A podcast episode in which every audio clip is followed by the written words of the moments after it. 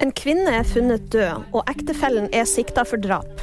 Flere tonn julegaver er sendt til Ukraina, og Høiby har flytta til Skaugum. Politiet har endra siktelse til drap etter et mistenkelig dødsfall. En mann i 60-årene er sikta for drap etter at en kvinne i 40-årene torsdag kveld ble funnet død i en bolig i Østfold. Mannen og den avdøde var gift, det melder politiet. Politiet jobber nå med å få klarhet i hva som har skjedd. Nordmenn har sendt 170 tonn med pakker til Ukraina. For rundt to uker siden oppfordra Posten alle om å bidra med en julegave til Ukraina. Responsen har vært stor. Bare denne uka har Posten sendt tre lastebiler til Ukraina. Det er både privatpersoner, bedrifter og foreninger som har bidratt til pakkene. Marius Borg Høiby har flytta til Skaugum. 25-åringen blir nabo med sin mor, kronprinsesse Mette-Marit og kronprins Haakon.